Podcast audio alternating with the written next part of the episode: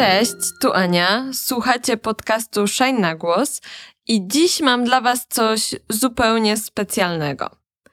E, otóż postanowiłyśmy stworzyć serię kilku odcinków specjalnych, w których będziecie mogły, mogli posłuchać tekstów opublikowanych niegdyś w Shine i uwaga, uwaga, smaczek, rozmów z ich autorami i autorkami. E, I nie byłabym sobą, gdybym tej serii nie otworzyła od tekstu, od którego się tak naprawdę wszystko zaczęło. I to dosłownie.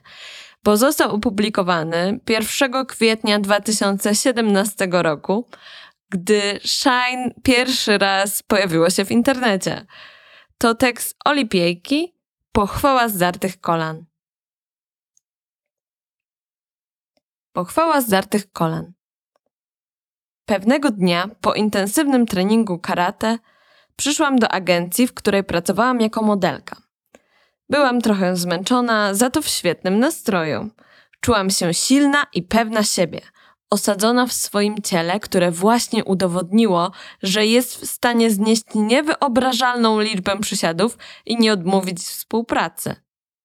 Pamiętam, że kiedy miałyśmy zacząć rozmawiać o jakichś zawodowych sprawach, szefowa spojrzała na moje nogi i z przerażeniem spytała głosem pełnym troski: Co ci się stało?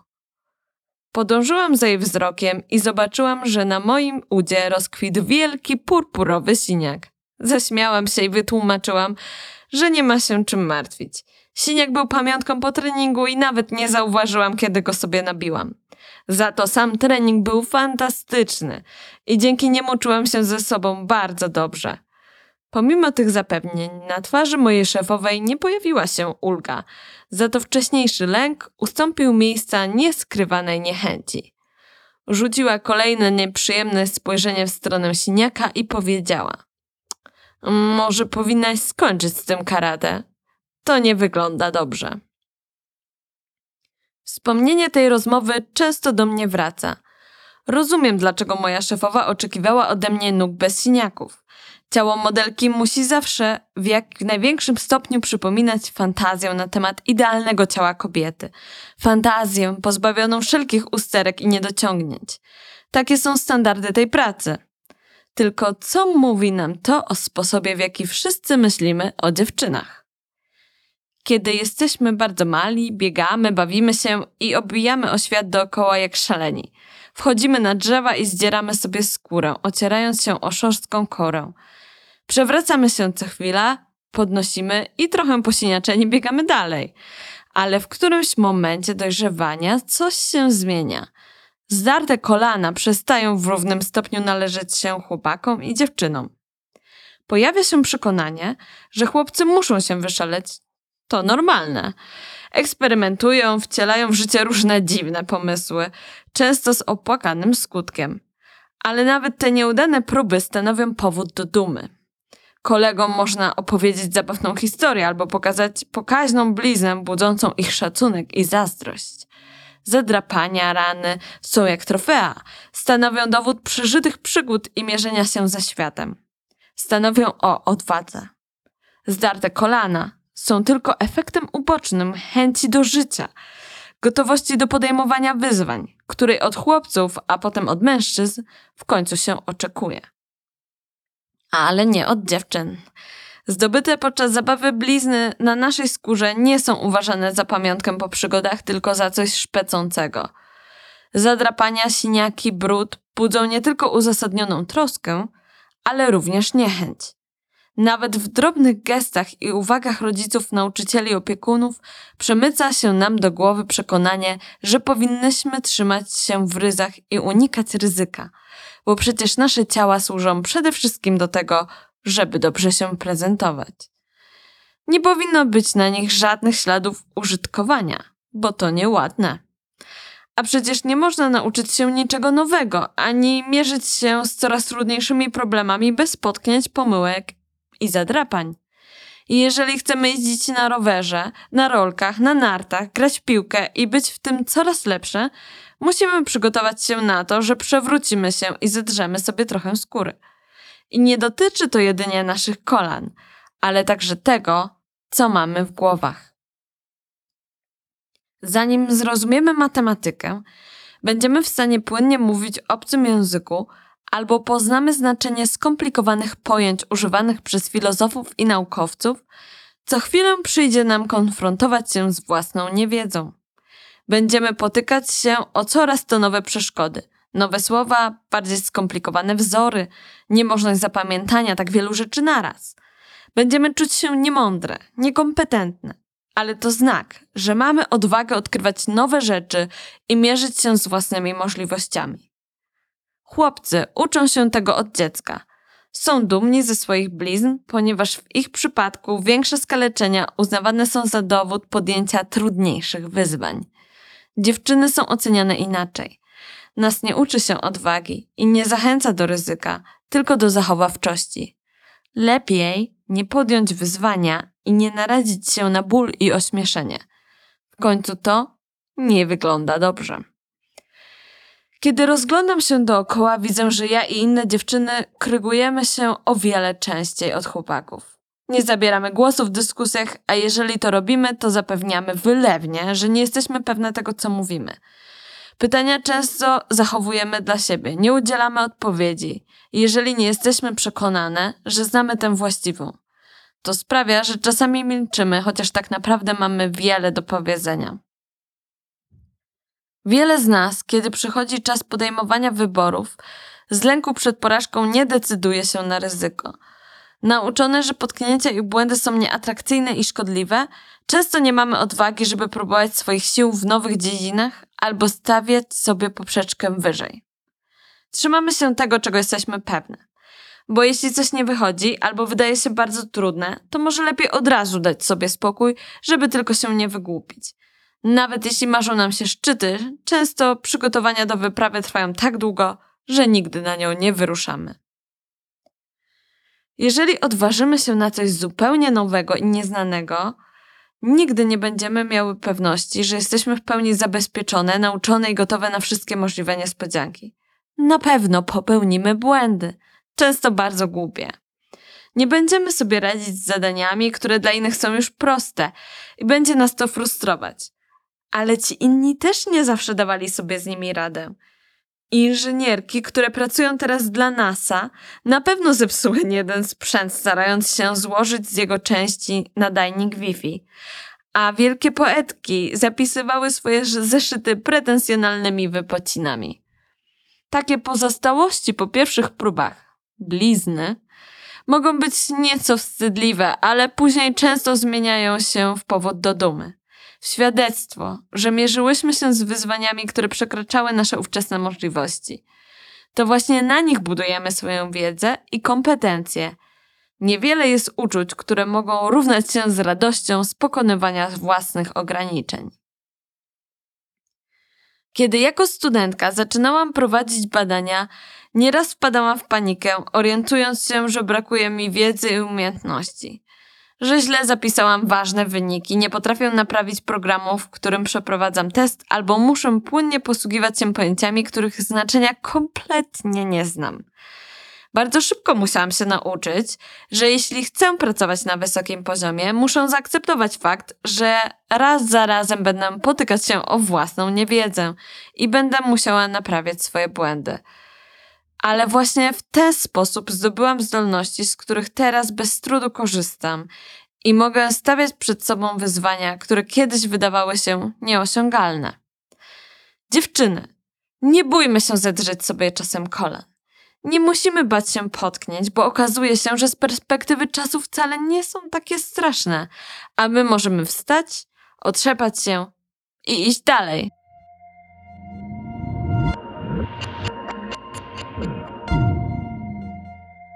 Już jest ze mną w studio Ola Piejka, autorka tekstu Pochwała Zdartych Kolan, a obecnie doktorantka Polskiej Akademii Nauk y, na kierunku neuropsychologia społeczna, prawda? Możesz w ogóle powiedzieć kilka słów, y, co to jest neuropsychologia społeczna, czym się zajmuje ta dziedzina? E, jasne.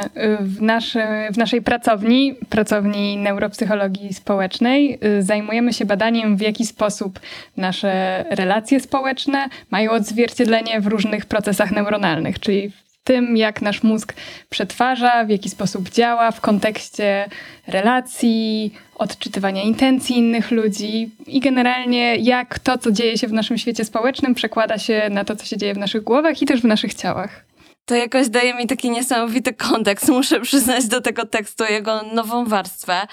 E, słuchaj, no e, powstał cztery lata temu. Zdziwiłaś się, jak po czterech latach znowu Shine się z tobą skontaktowało?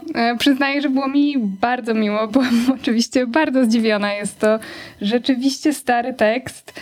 Zdziwiłam się również, kiedy zdałam sobie sprawę, jak dawno temu to było, bo ten tekst wydaje mi się gdzieś dosyć aktualny, nawet jeżeli nie jest to tekst e, tak stricte aktualny dla mnie. To znaczy mam takie poczucie, że jakieś rzeczy, o których tam piszę, mi osobiście udało się e, jakoś w sobie poukładać i przepracować, co jest bardzo optymistycznym wnioskiem, to pamiętając siebie z tamtego okresu, wiem, jaki on był dla mnie osobiście ważny i było też dla mnie jakoś bardzo istotne i takie krzepiące, że dostałam dużo pozytywnego feedbacku na temat tego tekstu i tego, że dla wielu osób on też wybrzmiał bardzo prawdziwie.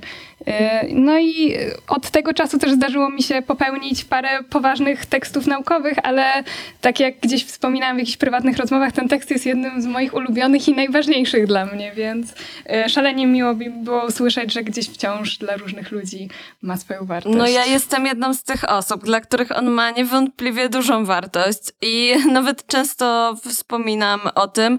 Zresztą w pierwszym odcinku podcastu w ogóle Shine na głos rozmawiałyśmy o odwadze i perfekcjonizmie, bo zainspirowała nas do tego e, książka Odwagi nie musisz być doskonała, ale także i twój tekst wtedy i cieszę się, że mogę jakoś do niego wrócić i, i trochę to rozwinąć, bo dla mnie to jest tak, że um, tak jak mówisz, teraz on też już może mi się nie wydaje taki niesamowity, ale w tamtym momencie yy, jakby ja to nazywam kamienie milowe, czyli takie odkrycia, które właśnie po czasie są takie oczywiste, jakby jak mogłam na to wcześniej nie wpaść, jak yy, to, że e, są konstrukty społeczne i można je negocjować, albo e, że, nie wiem, moja wartość nie jest uzależniona od wagi. E, I jak się już przejdzie przez ten taki próg jakiś, to, to, to, to się wydaje takie oczywiste, ale tak jak mówisz, wcale w takim, w tym momencie wcale takie nie jest. Czy pamiętasz jakby sama u siebie taki moment, w którym zrozumiałaś, że ten strach przed popełnieniem błędu cię powstrzymuje przed działaniem? Wydaje mi się, że to był jakiś taki długi proces, rozpisany na wiele lat dojrzewania. I w momencie, w którym e, go napisałam, Byłam w takim miejscu, kiedy myślę, że po raz pierwszy tak na poważnie zaczynałam myśleć o sobie jako e, do, dorosłej dziewczynie. Przy czym do tej dorosłości czy dojrzałości myślę, że było mi jeszcze daleko, ale to były takie pierwsze kroczki stawania się tą dorosłą osobą w świecie i widziałam, że to, co mnie tak bardzo w tym hamuje i co mi nie pozwala jakoś tak w pełni siebie rozwinąć, rozwinąć tych skrzydeł, które pozwoliłyby mi w tym świecie w pełni uczestniczyć, to był właśnie ten jakiś taki szalony lęk przed tym, że do tego świata się mogę nie nadawać, bo nie jestem wystarczająca, mogę nie być wystarczająco dobra, wystarczająco inteligentna, wystarczająco ładna i ten taki cień niepokoju, który kładł się na wszystkim, co robiłam, nie pozwalał mi po prostu tych rzeczy robić, a chciałam je robić i to napięcie i cierpienie jakieś, które z tego wynikało, y, sprawiło, że w którymś momencie uznałam, że nie mogę tak dalej funkcjonować i że coś musi się w moim życiu, a przede wszystkim w mojej głowie istotnie zmienić. A zauważyłaś też to u innych, jakichś twoich koleżanek, nie wiem, może młodszych osób? Czy, czy potrafisz podać jakąś taką konkretną sytuację, w której osoby się właśnie tak zachowują? W sensie widzisz, że może by chciały, ale nie potrafią się przemóc? E, przychodzi mi do głowy, szczerze mówiąc, jedna bardzo konkretna sytuacja, która, którą miałam gdzieś przed oczami, kiedy ten tekst e, pisałam, czy która też w jakimś stopniu ten tekst zainspirowała. Pamiętam, że e, byłam na imprezie z moimi znajomymi. Staliśmy sobie przy stoliku i rozmawialiśmy o polityce. Większość z tych znajomych polityką się zajmowała już wtedy profesjonalnie albo semi-profesjonalnie i w większości byli to chłopcy czy młodzi mężczyźni. Stałam z nimi, słuchałam tych ich rozmów, nie czułam się zbyt kompetentna, żeby móc w nich uczestniczyć, bo to też nigdy tak profesjonalnie czy intelektualnie nie była do końca moja działka, więc słuchałam ich z jakąś dozą nabożności. Ale przy tym stoliku stała też jeszcze inna dziewczyna, która wiedziałam, że ma wybitne wykształcenie. Lepsze od wielu z tych gości, którzy się wypowiadali. I patrzyłam na nią i widziałam, że sposób, w jaki oni mówią i w jaki ona mówi, różni się tak diametralnie. Oni się między sobą przekrzykiwali, każdy głosił jakieś peany na temat swoich własnych intelektualnych teorii, był w tym bardzo śmiały, często arogancki, pewny siebie, a ona stała obok i przytakiwała, a kiedy zostawała wywoływana do głosu, to bardzo często zaczynała zdanie od wydaje mi się, że albo nie jestem na 100% pewna, ale i słuchałam tego, patrzyłam na to i myślałam, że to jest absurdalne. Ta dziewczyna ma równe prawo, jeżeli nie większe prawo, żeby mówić w tej dyskusji o rzeczach, które są ważne i prawdziwe i żeby swoje myśli rozwijać, ale ewidentnie czuła, że tego prawa nie ma. I myślałam sobie właśnie wtedy o tym, jak bardzo się y, różnimy między sobą. Oczywiście nie dotyczy to wszystkich chłopców, nie dotyczy to wszystkich dziewczyn, ale ta różnica wydała mi się wtedy jakaś wyjątkowo jaskrawa yy, i pomyślałam sobie właśnie o tym, że znam w sobie samej te tropy. Widzę w sobie, w sobie samej tę niechęć do odsłaniania się z moimi własnymi przemyśleniami, bo nie chcę być uznana za głupszą albo nie chcę być uznana za mniej kompetentną, więc czasem lepiej się po prostu wycofać, chociaż wcale nie trzeba. Pytam o to, bo ja też mam jakiś taki moment, o którym myślę w ten sposób.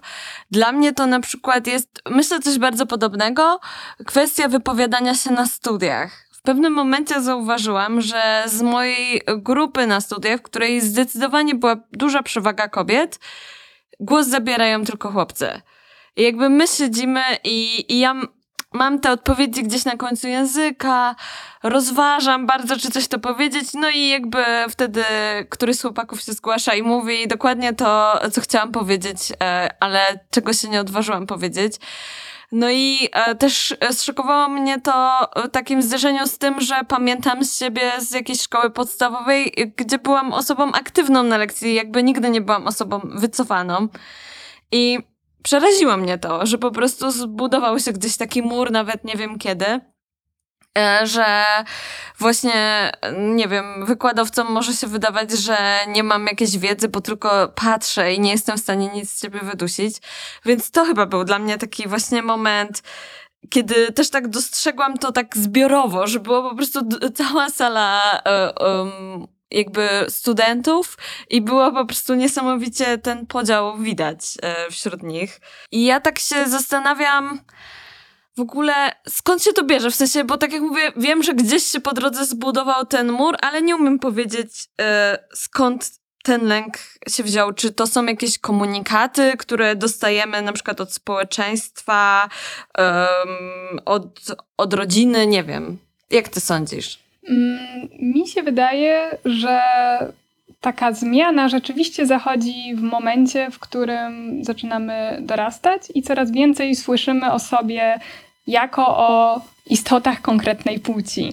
I zostajemy, zaczynamy być bardzo mocno, o wiele ostrzej socjalizowani do tych ról, chociaż oczywiście to się dzieje już o wiele wcześniej ale y, wydaje mi się, że kiedy dorastamy, to też bardziej na siebie bierzemy te takie role płciowe, które są wypełnione jakąś treścią. I wydaje mi się, że w przypadku dziewczyn ta treść jest szalenie zestetyzowana. To znaczy, że to, co słyszymy o sobie, jest y, przede wszystkim komunikatem o tym, jak wyglądamy, jak się prezentujemy. I to od razu daje nam taką trochę zewnętrzną perspektywę na siebie. Słyszymy bardzo dużo o tym, że jesteśmy ładne, że coś robimy ładnie, że przyjemnie się na nas patrzy, i bardzo w związku z tym łatwiej nam przyjąć takie spojrzenie na siebie z zewnątrz, które sprawia, że już przez tę soczewkę później patrzymy na siebie długo. I nie tylko na to, jak bezpośrednio wyglądamy, ale też na to, co robimy. Zastanawiamy się właśnie, jak to się będzie prezentować.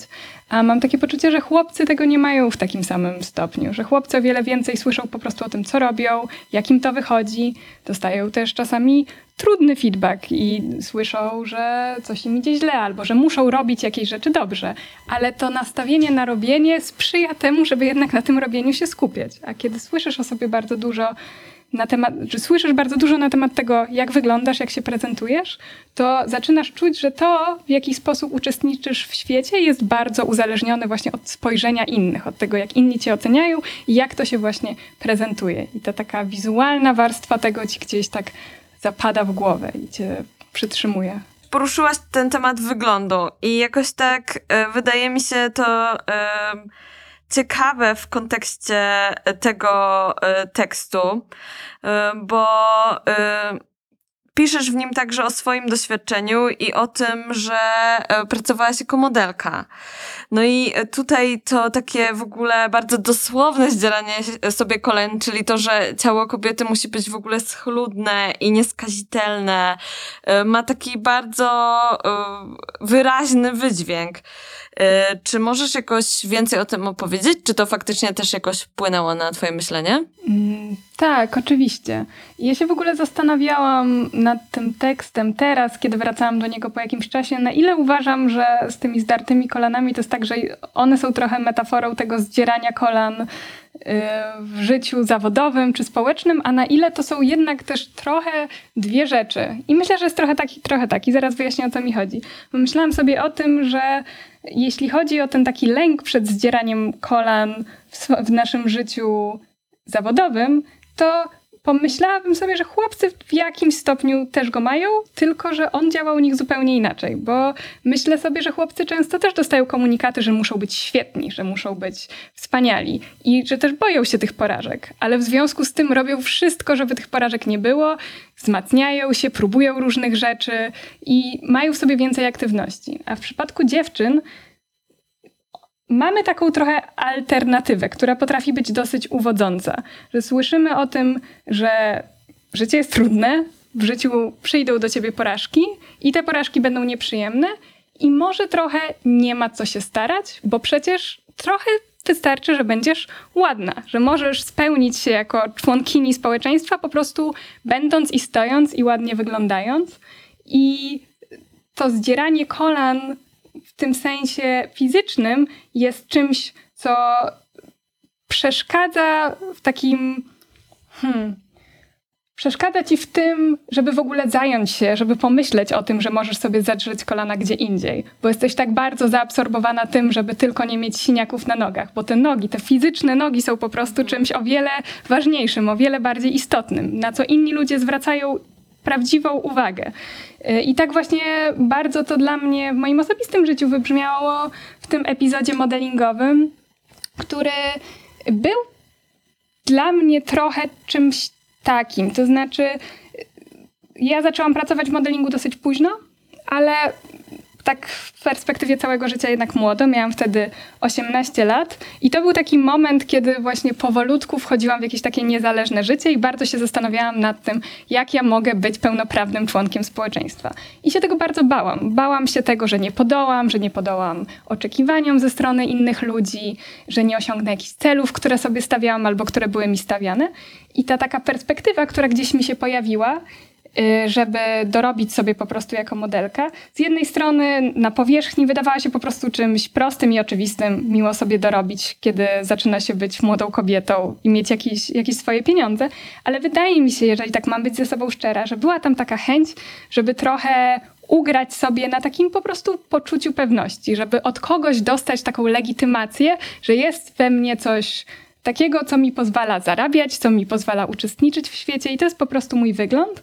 Y, I to, co jest w tym też jakieś takie ujmujące i czarujące, w sensie, że bardzo potrafi tak zwieść, to to, że ten wygląd teoretycznie się kieruje bardzo prostymi zasadami. W sensie bardzo jest jasne, co musisz zrobić, żeby sobie poradzić. Musisz być po prostu ładna, zadbana, nieskazitelna, szczupła i już. I właściwie masz to ugrane. Y, problem jest taki, że osiągnięcie tego kosztuje cię strasznie dużo. Nawet jeżeli masz to wyjściowo, to kiedy wchodzisz w ten biznes, to bardzo szybko się okazuje, że zawsze masz tego za mało, że zawsze powinnaś mieć tego więcej. I tak jak widzę moje koleżanki, które gdzieś poznałam na tej drodze, które są bardzo mądrymi, bardzo fajnymi dziewczynami, to mam takie wrażenie, że one wszystkie mierzą się jednak z tym poczuciem, że ich wygląd jest czymś, co po prostu konstytuuje ich bycie w świecie. I w związku z tym w pewnym sensie są trochę zakładniczkami innych ludzi, ich spojrzenia i zakładniczkami swojego wyglądu. I to jest coś, co je też jakoś powstrzymuje w działaniu i powstrzymuje w jakiejś takiej własnej inicjatywie. Bardzo często, nie zawsze, ale to jest coś trudnego, co muszę, z czym muszą sobie radzić na co dzień. Ja myślę o tym, e, jak kobiety w ogóle istnieją w przestrzeni publicznej i um, myślę teraz, e, jak o tym mówisz, to myślę o na przykład polityczkach, które um, są komentowane ze względu na to, jak są ubrane, um, jakby, czy o aktorkach, e, którym się zadaje pytania o to, jakie mają ubrania na sobie, albo tak, jakich, jakich noszą projektantów, a nie o to, jak im, czy trudno było im odegrać jakąś rolę, e, czy coś w tym stylu, że faktycznie um, można też być nawet na takim, w sensie już zdobyć pewną pozycję i, I po prostu i tak mieć ciągle podkładane przez społeczeństwo pod nogi ten wygląd, jakieś takie przykładanie po prostu do, prosto do twarzy lustra, jakby nie, nieważne co mówisz, patrz w to lustro, jakby po, ten, to jest jednak e, to, co jest ważne. E, no i tak właśnie mówię, że czuję, że, że to zbicie tego lustra jest ważne po to, żeby kobiety faktycznie mogły mm, w tej przestrzeni e, publicznej uczestniczyć. Mam wrażenie, że twój tekst w ogóle odpowiada trochę na to pytanie, dlaczego jest tak mało kobiet. Bo właśnie e, perfekcjonizm, bo to, że nie wiem, możemy czuć, że to, co robimy, kładzie na nas odpowiedzialność za całe, w ogóle całą naszą płeć. Jesteśmy zawsze reprezentantkami wszystkich kobiet. Nie wiem, e, jak ty sądzisz? Dlaczego, dlaczego tak mało kobiet? W sensie jest taka dysproporcja, może w ten sposób. Jest takie niedoszacowanie kobiet w przestrzeni publicznej. Ja myślę, że to, co powiedziałaś, rzeczywiście jest szalenie ważne, czyli to, że y, po prostu żyjemy w kulturze, gdzie wciąż jest mnóstwo stereotypów na temat tego, co to znaczy być kobietą i która jest bardzo patriarchalna. I rzeczywiście jest tak, że ten lęk, że jeżeli pójdziesz gdzieś i powiesz coś, co jest niemądre, głupie, niekompetentne, e, jeżeli coś się stanie, to usłyszysz po prostu, że jesteś kobietą, więc mówisz bzdury i że to położy się cieniem nie tylko na tobie, ale na wszystkich innych kobietach. Więc to jest już jedna rzecz, która może cię hamować. A poza tym rzeczywiście mam takie poczucie, że dużo dziewczyn i kobiet, które są bardzo zdolne i bardzo kompetentne, mają w sobie takie przekonanie, że mogłyby być zdolniejsze, bardziej kompetentne, że mają szalenie wysoko postawioną poprzeczkę, jeśli chodzi o siebie same, właśnie dlatego też, że mają takie poczucie, że muszą być najlepsze we wszystkim, żeby w ogóle funkcjonować w tej przestrzeni, bo tyle razy słyszały o sobie albo słyszały o tej stereotypowej kobiecie, że jest jakoś gorsza albo mniej zdolna, i w związku z tym od razu tworzył sobie taki obraz kogoś, kto musi być najlepszy we wszystkim. Zwłaszcza, że wielu mężczyzn ma taką też publiczną personę, taką bardzo pewną siebie. Yy, zanurzoną w takim poczuciu własnej racji. Y, jeżeli widzisz coś takiego na zewnątrz i czujesz, że tego w sobie nie masz, to możesz też mieć takie poczucie, że coś jest z tobą nie tak, skoro Czyli on tak ma. Ma taki wzorzec po prostu, który gdzieś tam. Tak o to ci też chodzi, że na przykład, bo ja mam takie poczucie, że że kolejna rzecz jest taka, że w ogóle mm, sfera publiczna jest zdominowana przez pewnego typu wzorce, które nie zawsze mogą odpowiadać kobietom i one jakby muszą trochę grać w tę grę. Tak, też o tym mówię, że wydaje mi się, że jeżeli widzisz tego pewnego siebie y, mężczyznę, który czasem trochę plecie trzy po trzy, to masz takie poczucie po pierwsze, że nie masz w sobie tej pewności, nie masz w sobie tej pewności, którą on ma, ale też trochę nie chcesz być kimś takim.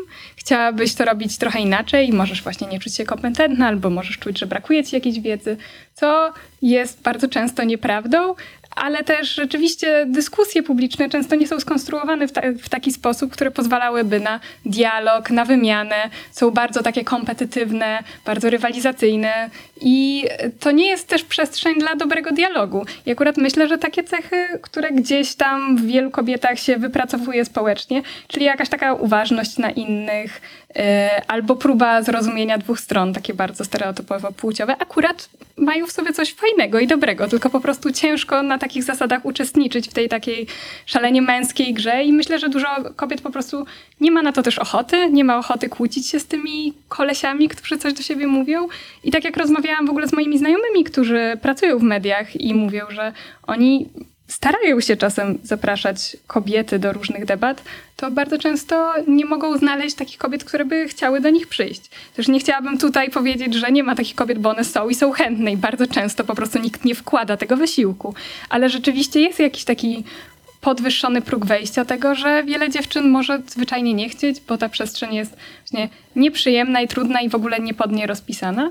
A poza tym rzeczywiście wydaje mi się, że to też się bierze z tego właśnie syndromu oszusta, który, czy oszustki, który bardzo wiele kobiet w sobie ma, z takiego poczucia, że po prostu one nie są, nie mają w sobie tej pewności, w związku z tym jakiejś takiej wyobrażonej kompetencji, którą mają ich koledzy. I którą ci koledzy po prostu trochę dla siebie biorą. Nawet nie chodzi o to, że oni są tak przekonani o swojej wspaniałości, ale że to nie jest dla nich często argument, żeby gdzieś nie iść. Że oni po prostu mogą iść i porozmawiać i nie mają tego, tej samoświadomości tego, że może jest, jest w tym coś nie tak. Że nie mają po prostu tego, często tego zewnętrznego spojrzenia na siebie jako na kogoś, kto może być oceniony, kto może być jakoś wyśmiany, którą kobiety często jednak w sobie pielęgnują, czy raczej ona jest w nich pielęgnowana. To jest niesamowicie ważne, to co mówisz, również dla mnie jako osoby, która no, gdzieś tam tworzy media. E, to była taka myśl, może jeszcze w tamtym momencie nieuświadomiona, która mm, jakoś przyświecała powstaniu Shine, a teraz jest dla mnie taką główną ideą, wokół której staramy się działać, czyli to, że nie opieramy się na konflikcie, że proponujemy rozwiązania, że y, jesteśmy przestrzenią dzielenia się opinią, doświadczeniem, czymkolwiek, czym osoby chcą się podzielić. Um, ale faktycznie nawet tak mówiąc czysto pragmatycznie, to nawet zasięgi, zasięgów nie przynosi. W sensie widzę, widzę na przykład jak konflikt po prostu pięknie współgra z algorytmami social mediów, e, co mnie osobiście trochę e, przeraża. Ale też widzę takie głosy, słyszę takie głosy, że że już są osoby tym trochę zmęczone i że jest już taka potrzeba budowania tej alternatywy, więc gdzieś tam jakaś taka nadzieja y, się we mnie budzi. Y, ja się zastanawiałam, czy, y, czy ty masz taką sytuację w swoim życiu, w której udało ci się taką obawę jakoś przekona, pokonać i jednak podjąć jakiegoś działania. Słyszałam, że to jest tak, że kobiety podejmują działanie często, kiedy um, ta strata z powodu zaniechania zaczyna po prostu gdzieś na tej szali bardzo przewyższać e, to, to co mogą stracić działając, czyli nie wiem, wystawiając się na ośmieszenie, powiedzmy. I, I jak to było u ciebie? Czy masz jakąś taki, taką sytuację? jakoś też w przygotowaniu do, do, tej rozmowy starałam się wyłuskać gdzieś taki, takie jedno wspomnienie o czymś takim i było mi ciężko, ale też myślę, że dlatego, że myślę o tym, że przez całe życie po prostu gdzieś trochę mierzę się i myślę, że każdy się trochę mierzy z jakąś taką serią potencjalnych porażek. I ja osobiście mam takie poczucie, że właśnie nie mam tych porażek zbyt wiele i że to jest samo w sobie jakąś porażką, że wolałabym mieć ich więcej. Wolałabym mieć takie poczucie, że większej ilości rzeczy spróbowałam i one mi nie wyszły, ale że właśnie podejmowałam te działania. I, bo za każdym razem, kiedy je podejmowałam, nawet jeżeli coś nie szło po mojej myśli, to ostatecznie jestem bardzo wdzięczna za to doświadczenie, albo jestem wdzięczna za to, co mi z tego przyszło w taki sposób, którego bym się nie spodziewała. I mam jakieś takie wspomnienie takiego okresu w życiu, kiedy rzeczywiście nie angażowałam się w nic, bo tak strasznie bałam się, że po prostu zostanę odrzucona, oceniona i wyśmiana. I później to się zaczęło trochę zmieniać. Zaczęłam działać bardziej akademicko, zaczęłam się angażować w różne projekty i z tych projektów zaczęły wychodzić bardzo fajne rezultaty. Więc też jestem w tym miejscu, w którym jestem, czyli na dobrej uczelni, w fajnym grancie, który pozwala mi realizować jakieś bardzo ciekawy projekt badawczy, dlatego że jednak w paru momentach mojego życia stwierdziłam, że no dobra, najwyżej nic z tego nie wyjdzie, ale lepiej robić coś niż nic. Lepiej robić coś, nawet jeżeli nie jestem przekonana co do swoich kompetencji, niż funkcjonować w jakimś takim wiecznym limbo wyobrażeń na temat tego, kim mogłabym być, gdybym tylko się trochę bardziej postarała, albo właśnie czekać na to, aż w końcu przyjdzie ten mityczny moment, kiedy będę gotowa. Swoją drogą yy, przypomniało mi się, yy, że tak, ten tekst powstał w pewnej mierze pod wpływem takiej książki, którą czytałam rok wcześniej, która ze mną jakoś po prostu bardzo zarezonowała. Yy, to jest powieść dziewczyny Emmy Klein, która w tamtym momencie mojego życia wybrzmiała mi właśnie bardzo mocno. I taki jeden cytat z tej książki mi jakoś tak bardzo wszedł w głowę. Yy, I chciałam go tutaj przytoczyć, bo to jest coś takiego, co było dla mnie bardzo ważne yy, i z czym, z czym zostałam i co mi też właśnie, co mnie tak kłuło i nie pozwalało mi zostać w tym stanie, w którym byłam wcześniej. Jest taki cytat, który brzmi Czekałam, aż ktoś mi powie, co we mnie jest dobre. Cały ten czas, który poświęciłam na przygotowanie siebie, te artykuły uczące mnie, że życie to w gruncie rzeczy poczekalnia, dopóki ktoś mnie nie zauważy, chłopcy spędzili na stawaniu się sobą. I myślałam sobie, że jest w tym coś takiego strasznie prawdziwego, że ja tak czekam, czekam, aż wydarzą się też rzeczy, ktoś mi powie, że to już teraz. I w tym czasie dużo osób, przede wszystkim dużo chłopców dookoła mnie, po prostu robiło jakieś rzeczy. I bardzo nie chciałam spędzić więcej swojego życia w tej poczekalni, więc po prostu zaczęłam próbować. I zaczęłam próbować jakoś akademicko, zaczęłam próbować pisać jakieś rzeczy dla siebie. I wyszły z tego bardzo dobre rzeczy. A jak coś po drodze nie wyszło, a nie wyszło dużo rzeczy, bo też w takiej pracy akademickiej nie wychodzi coś raz za razem. Co chwilę dostajesz zostajesz odrzucona, twoje, twój tekst zostaje uznany za niewystarczająco dobry, nie dostajesz grantu, nie dostajesz czegoś i co chwilę słyszysz, że coś jest jeszcze nie tak. Y, I jeżeli sobie po prostu z tym nie poradzisz, to nie zrobisz dobrej nauki. Więc też taka, taka nauka tego, że musisz ponosić porażki, żeby były z tego jakieś sukcesy, y, wydaje mi się, że w ogóle później pozwala funkcjonować w świecie, że uczenie się tych porażek jest podstawową zdolnością do dobrego życia. To, co mówisz, chyba też y, dla mnie jest taką ważną myślą, um, jak sobie poradzić z tą porażką. Właśnie w ten sposób. W sensie, jeśli um, mam świadomość, że y, dzięki niej, y, że ona jest takim świadectwem tego, że spróbowałam, że, takim świadectwem tego, że się rozwijam, to łatwiej jest jakoś ją e, przejść. I, I takim nawet jakby traktuję jako coś po, potrzebnego. Tak, myślę, że jeżeli mamy takie poczucie, że wszystko nam idzie bardzo dobrze i że cały czas osiągamy same sukcesy, to znaczy, że jesteśmy w miejscu, w którym się zupełnie nie rozwijamy, że jesteśmy w takim miejscu, które już nie jest dla nas wystarczająco dobre. Więc jeżeli chcemy się rozwijać, to po prostu musimy czuć, że coś nam nie idzie, bo inaczej nie ma żadnego rozwoju. Tak, rozwój to trochę odrobina dyskomfortu przynajmniej. Tak, albo dużo dyskomfortu. Słuchaj, bardzo Ci dziękuję za rozmowę dzisiaj. Dzięki wielkie. Miło było usłyszeć i spotkać się po, po tych czterech latach i cześć, do usłyszenia. Do usłyszenia, dziękuję bardzo. A Was e, jak zwykle zapraszam e, na naszą stronę, na naszego Facebooka i Instagrama. Możecie pisać do nas na redakcja małpa shinemac.pl no i odwiedzać nasz profil na go.net.